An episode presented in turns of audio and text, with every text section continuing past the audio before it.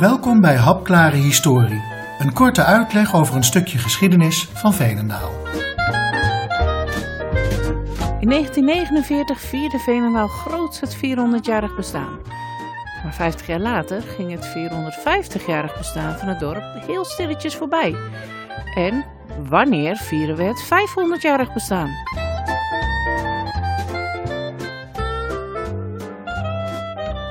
In september 1949 is het groot feest in Veenendaal. Het dorp bestaat 400 jaar en dat moet gevierd worden. En dat doen de Veenendalers met overgave. In september is het een week lang feest met allerlei activiteiten. Er komt een jubileumboek en er is zelfs een klein relletje over een spandoek op Gelders grondgebied. Waarom 1949? Al in een geschrift uit 1770 wordt dit jaartal genoemd als stichtingsjaar van Veenendaal. In 1920 vindt amateurhistoricus T.C. Hootse bij archiefonderzoek het octrooi dat keizer Karel V op 31 maart 1549 aan Gilbert van Schoonbeke verleent om turf te winnen in de Gelderse Vallei. Deze datum wordt overgenomen door het gemeentebestuur en door de schrijver van het jubileumboek, Dr. J.G. Thomas. Later onderzoek heeft echter uitgewezen dat deze datum niet klopt. Dit is namelijk niet het eerste octrooi voor turfwinning in de Gelderse Vallei, maar de derde. De eerste wordt verleend in 1473, als bisschop David van Bourgondië begint met het graven van de grift. Dat werk komt een paar jaar later stil te liggen en dan gebeurt er jarenlang niets. In 1546 wordt er een nieuw octrooi verleend aan een aantal veeneigenaren uit Utrecht. En dan nog iets. Het jaartal 1949 voor Gilbert van Schoonbeke klopt ook niet. Aan het hof van Karel V begon het nieuwe jaar met Pasen. En dat levert voor historici nogal eens verwarring op bij de datering van documenten. Tegenwoordig zijn de meesten het erover eens dat het octrooi van Gilbert van Schoonbeke dateert uit 1550. Maar goed, dat weten ze in 1949 nog niet. En Dr. Thomas heeft ook niet zoveel tijd om deze gegevens te verifiëren. Eerst heeft het organiserend comité, namelijk de rector van de HBS, de heer Baks gevraagd om het jubileumboek te schrijven. Hij is van huis uit historicus en dus de aangewezen persoon, maar bij nader inzien ziet hij er toch vanaf. Dan wordt Dr. Thomas in het voorjaar van 1949 gevraagd om een boek te schrijven dat op 12 september al aangeboden moet worden aan de gemeenteraad. Heel veel tijd heeft hij dus niet. In augustus wordt het officiële programma bekendgemaakt. De feestweek zal duren van 10 tot en met 19 september en omvat toneelvoorstellingen, muziekuitvoeringen, tentoonstellingen, demonstraties en nog veel meer. Op zaterdagochtend 10 september 1949 opent burgemeester Bakker de feestelijkheden vanaf het balkon van het gemeentehuis in de Hoofdstraat. De proclamatie die hij voorleest wordt door herauten te paard in het hele dorp herhaald. Op die eerste dag zijn er zwemwedstrijden in het bergbad en een wandelmars vanaf de Eierhal in de Achterkerkstraat. Ook worden de Oud-Hollandse Markt, de historische tentoonstelling Laagveen wordt Grootveen en de tentoonstelling Kunstbeoefening geopend. S'avonds geeft Harmonie Cecilia nog een concert op het stationsplein en is er vuurwerk op het feestterrein. Dat feestterrein is op de plek van het huidige gemeentehuis. En het terrein is te bereiken via een speciaal voor de gelegenheid aangelegde brug. En van de gebruikers van de brug wordt een vrijwillige bijdrage gevraagd voor de soldaten in Nederlands-Indië. Gedurende de hele feestweek zijn veel winkels, fabriekspanden en huizen in het centrum s'avonds prachtig verlicht. Zondags zijn er dankdiensten in alle kerken. En op maandag 12 september is er een buitengewone vergadering van de gemeenteraad, waarbij het jubileumboek 400 jaar Venendaal van J.G. Thomas aangeboden wordt. En in diezelfde vergadering komt de gemeente Wageningen met een bijzonder cadeau: een nieuwe voorzittershamer voor de raad. Op de hamer staan twee gegraveerde metalen plaatjes. De een met de tekst Venendaal 1549-1949 en de andere met de tekst Wageningen 1944-1945.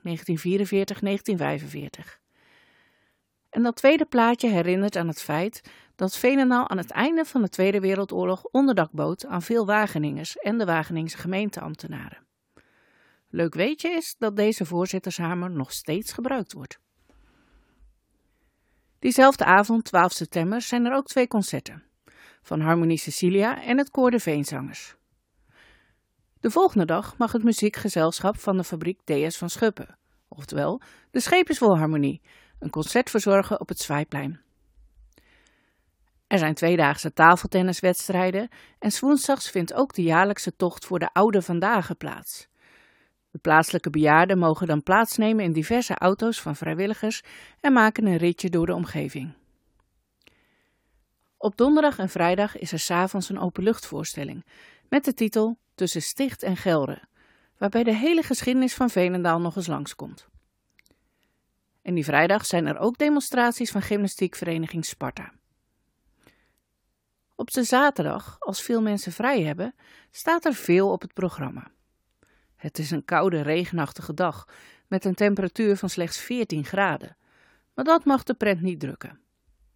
De dag begint met zang door 3500 schoolkinderen en een kindervoorstelling op het feestterrein, gevolgd door ringsteken met hondenkarren. Smiddags zijn er motorrennen, ruiterdemonstraties, een voetbalwedstrijd en natuurlijk weer veel concerten. Centraal punt in het feestgedruis is de Oud-Hollandse markt op de markt, te bereiken via een heuse stadspoort. De hele week hebben winkeliers op de markt en in de hoofdstraat vrijstelling om de winkels tot half elf s avonds open te houden. En het personeel is gekleed in 16e-eeuwse kleding. Een paar leden van de toneelvereniging van de Ritmeesterfabriek mogen opdraven als schout en schepenen. Een van hun taken is het bevestigen van huwelijken in het zogenaamde stadhuis op de markt. Trouwen kost slechts één gulden en het huwelijk is geldig tot aan de laatste knal van het slotvuurwerk op maandag 19 september. Maar liefst 263 huwelijken worden gesloten en de opbrengst is voor het nieuw te bouwen Juliana ziekenhuis. Iedereen viert feest in 1949. Nou ja, iedereen? Niet helemaal. Op de eerste dag van de feestweek verschijnt er op het Gelderland tussen fietsenmaker van de Haar en de bierschuur van Jan Dekker een spandoek met de tekst Het veen zit wel aan ons te plukken, maar het annexeren wil maar niet lukken. Dit heeft te maken met de provinciegrens tussen Gelderland en Utrecht, die dan nog dwars door het centrum van Veenendaal loopt, onder andere via het Zwaaiplein en het Achterstraatje. De spandoek hangt dus op Gelders grondgebied van de gemeente Ede. Schout en schepenen besluiten toch in actie te komen, omdat hij is opgehangen zonder toestemming van de schout. Maar ja, men is wel een beetje beducht voor de reactie van de bezoekers van de bierschuur. Toch stapt de schout erop af, met nog een paar leden van de toneelvereniging die verkleed zijn als hellebaardier. Op luide toon eist de schout dat de verantwoordelijke zich bekend zal maken. Dat blijkt Tini Dekker te zijn, de dochter van de eigenaar van de bierschuur. Ze wordt meegenomen door de hellebaardiers en het spandoek wordt verwijderd. Op de Oud-Hollandse markt staat een ouderwetse schandpaal opgesteld, waar de Veenendalers zich de hele week graag in laten fotograferen. Even is Tini bang dat ze in een schandpaal gezet zal worden. Maar dat is de schout toch iets te gortig. Als straf moet ze trouwen met een van de leden van het organisatiecomité. En zo loopt de actie met een sisser af. En het spandoek hangt de volgende ochtend gewoon weer op zijn plek. Op maandag 19 september wordt de feestweek afgesloten met de traditionele lampengietersavond. Na de optocht geeft Harmonie Cecilia nog een slotconcert en rond kwart voor tien knalt er nog een laatste keer vuurwerk de lucht in. Op 23 september blikt plaatselijke krant De Vallei terug.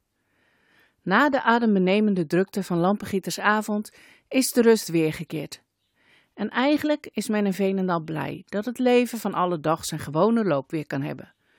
Negen dagen feestelijkheden zijn meer dan genoeg voor de rustige Veenendaler, al dus de krant. Er blijken 35.000 bezoekers op de feestelijkheden afgekomen te zijn, dus de organisatie kan terugkijken op een geslaagd feest. Reden genoeg om het opnieuw te doen bij het 450-jarig bestaan, zou je denken. Zoals gezegd is later gebleken dat 1546 als stichtingsjaar betere papieren heeft. Begin jaren 90 probeerde de plaatselijke fractie van GroenLinks nog de handen op elkaar te krijgen voor een groot feest in 1996. Maar dat is niet gelukt. Het werd 1995, omdat het op 29 juni 1995 200 jaar geleden was dat Veenendaal een zelfstandige gemeente werd. De grote vraag is nu of er in 2046 wel een groot feest komt. Misschien moet er dan eerst wat meer onderzoek gedaan worden. Bij het onderzoek naar Gilbert van Schoonbeke, naar aanleiding van het Gilbertjaar een paar jaar geleden, vonden de onderzoekers aanwijzingen dat Veenendaal misschien ouder is dan tot nu toe werd aangenomen. Zo wordt er in rekeningen van de keizer in 1531 al gesproken over een grote gemeente ten noorden van Renen. Maar ja, gaat dat over het huidige Veenendaal? Dat is de grote vraag. Hopelijk komen er de komende jaren meer aanwijzingen boven tafel. En wie weet hoeven we dan niet tot 2046 te wachten voor een groot feest. Bedankt voor het luisteren. Wil je meer ontdekken over de geschiedenis van Veenendaal? Ga naar gemeentearchief.veenendaal.nl